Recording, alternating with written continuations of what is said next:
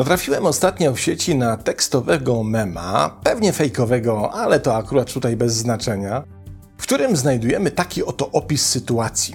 Córka, zatwardziała zwolenniczka diety wegańskiej, gotuje warzywną zupę i kiedy dzieło jest już prawie na ukończeniu, do kuchni wkrada się na paluszkach jej nieco złośliwy ojciec i wykorzystując chwilę nieuwagi córki, wrzuca do zupy kawałek mięsa z triumfalnym okrzykiem: Teraz to moja zupa.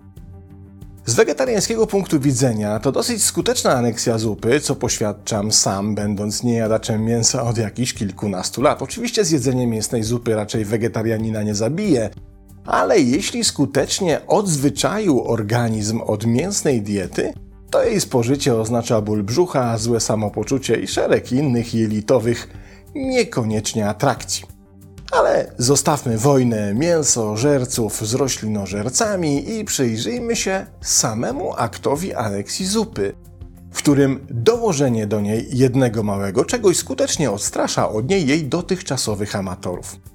Sprawia, że zaczynają oni traktować tę zupę jak coś zatrutego, z czego rezygnują w całości, a to oznacza, że sprawy nie jest już w stanie rozwiązać sprytne wyłowienie niechcianego dodatku za pomocą kuchennej chochli.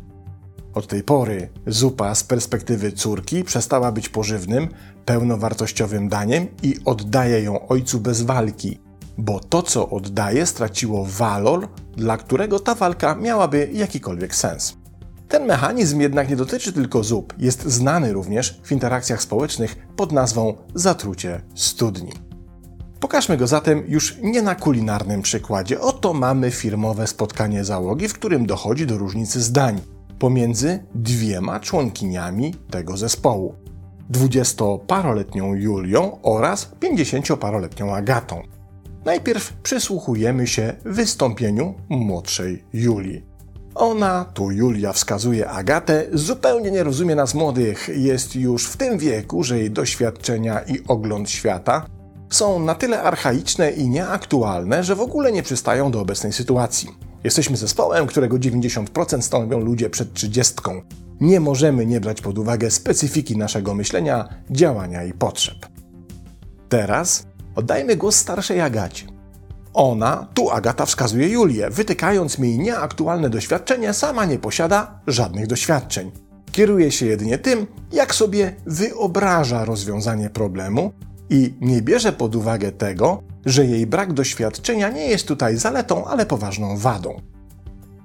Co zrobiły obydwie obserwowane przez nas panie? Otóż posłużyły się mechanizmem zatrucia studni.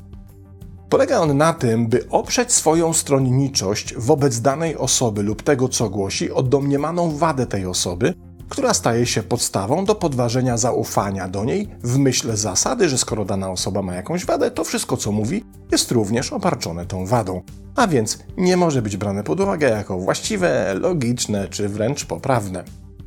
Oczywiście zatrucie studni może mieć wiele form i odmian, ale zawsze posługuje się generalną zasadą zdyskredytowania zdania osoby A, z którą osoba B, czyli stosująca ten mechanizm, się nie zgadza, poprzez ujawnienie otoczeniu jakichś prawdziwych lub zmyślonych informacji na temat osoby A, co ma spowodować, że wszystko, co w danej materii wypowie osoba A, traci swoją istotność, znaczenie czy też oparcie w prawdzie.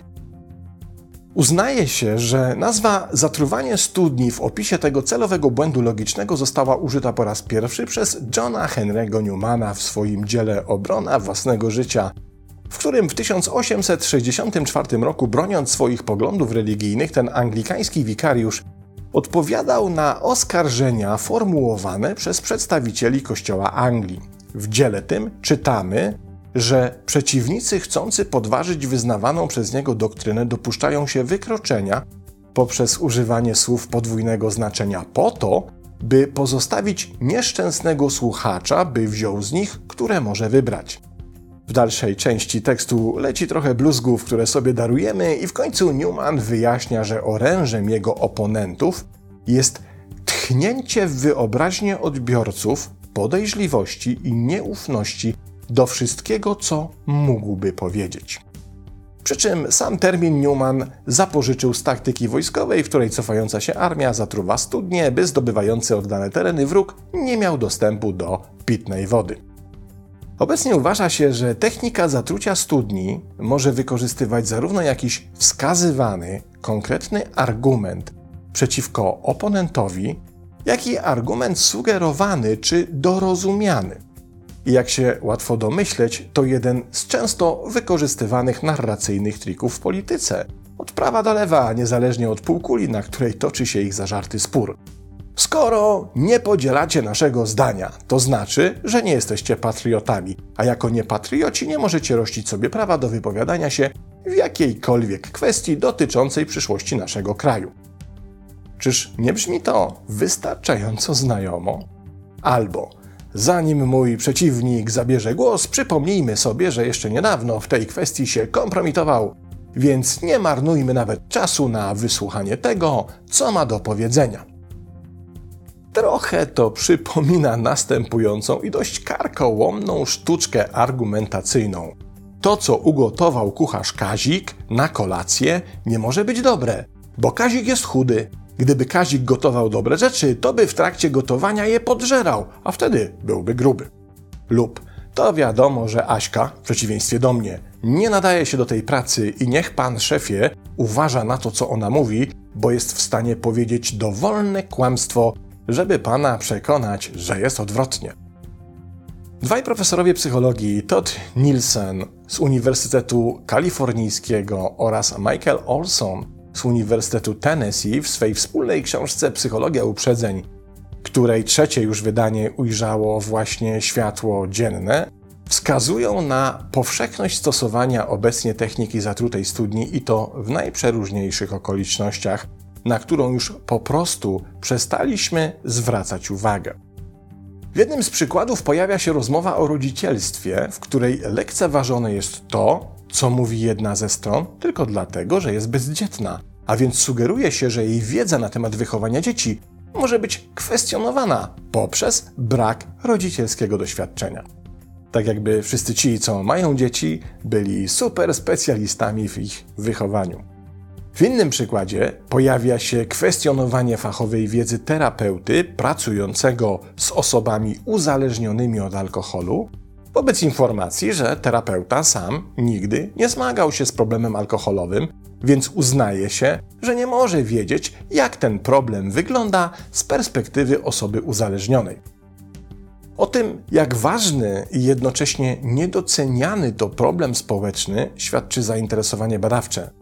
W 2020 roku ukazały się wyniki badań psychologów z Uniwersytetu Connecticut zatytułowane Uprzedzenie wobec świadczeniodawców o wyższej wadze ciała, w których w serii pięciu badań wykazano, że pracownicy służby zdrowia o widocznej nadwadze byli przez pacjentów oceniani bardziej negatywnie i to zwłaszcza w tych sytuacjach, w których specjalność medyczna ocenianego lekarza czy osoby z personelu medycznego była w jakiś sposób związana ze sprawami żywienia, zatruć pokarmowych czy chorób serca. Co więcej, porady, diagnozy czy wskazania takich osób były przez pacjentów uznawane za mniej wiarygodne czy wiążące, co skutkowało brakiem przestrzegania ścisłych zaleceń, w efekcie czego proces leczenia okazywał się nieskuteczny lub wydłużał się. Kolejne badanie przeprowadził już na rynku europejskim zespół badaczy połączonych sił Uniwersytetów Leeds, Amsterdam i Kartin. A wyniki poznaliśmy w lutym tego roku. Tym razem zbadano skuteczność terapii i wiarygodność ocenianą przez pacjentów w przypadku, kiedy osoba odpowiedzialna za leczenie ma nadwagę i w jaki sposób osoba z nadwagą jest stygmatyzowana przez pacjentów, co wpływa na proces ich leczenia. Co ciekawe, tym razem zbadano interakcję pomiędzy dwoma specjalistami psychologiem i dietetykiem, a ich pacjentami oraz tym, czy istnieją różnice w stygmatyzacji w zależności od płci. Okazało się, że i owszem, nadwaga zarówno w przypadku psychologa, jak i dietetyka ma wpływ na wiarygodność w ocenie pacjentów ale występują różnice płciowe. Pacjenci w większym stopniu pod tym względem wybaczają nadwagę kobietom niż mężczyznom, co oznacza, że dietetyk czy psycholog z nadwagą jest w oczach pacjentów mniej wiarygodny niż dietetyczka czy psycholożka, co niestety ma poważny wpływ na przebieg terapii i ich współpracę z pacjentem. Jak widać, zatrucie studni, a w przypadku powyższych badań dwaj profesorowie psychologii od wspólnej książki nie mają wątpliwości, że kwestionowanie czyjejś wiarygodności z uwagi na odkrytą wadę wpisuje się w ten efekt. To mechanizm, który może pojawiać się w takich obszarach, w których byśmy się go w ogóle nie spodziewali i wywierać konkretny, negatywny wpływ na nasze społeczne interakcje. A jeśli chodzi o obniżenie skuteczności medycznych interwencji, to już trzeba uznać, że żarty się w tym miejscu kończą. Podobnie katastrofalne skutki może przynosić efekt zatrucia studni, w którym odmawia się komuś prawa do głosu, czy w ogóle możliwości upominania się o należny szacunek, swobodę wyrażania poglądów, czy po prostu rację. Niestety, jako słuchacze sprytnych manipulatorów zatruwających studnie, nader często i nader bezrefleksyjnie poddajemy się temu zjawisku i jednocześnie niespecjalnie jesteśmy zainteresowani tym, by je zakwestionować. I to niestety z krzywdą dla siebie oraz innych. Profesorowie Nielsen i Olson przestrzegają przed tym społecznym błędem i występują z apelem, byśmy bacznie przyjrzeli się retoryce nie tylko kłótni społecznych, ale nawet niewinnie wyglądających dyskusji i nie dali się na ten błąd nabrać. Ale co najważniejsze, byśmy sami zrewidowali swoje podejście do tych, z którymi się nie zgadzamy, czy też z którymi nam nie po drodze, i nie prowokowali innych do kwestionowania ich wiarygodności, bo nawet kiedy wskazywana wada, ułomność czy błąd są prawdziwe, to jeszcze nie oznacza, że ktoś nie może mieć racji, wiedzy, umiejętności czy w ogóle czegoś istotnego do powiedzenia. Pozdrawiam.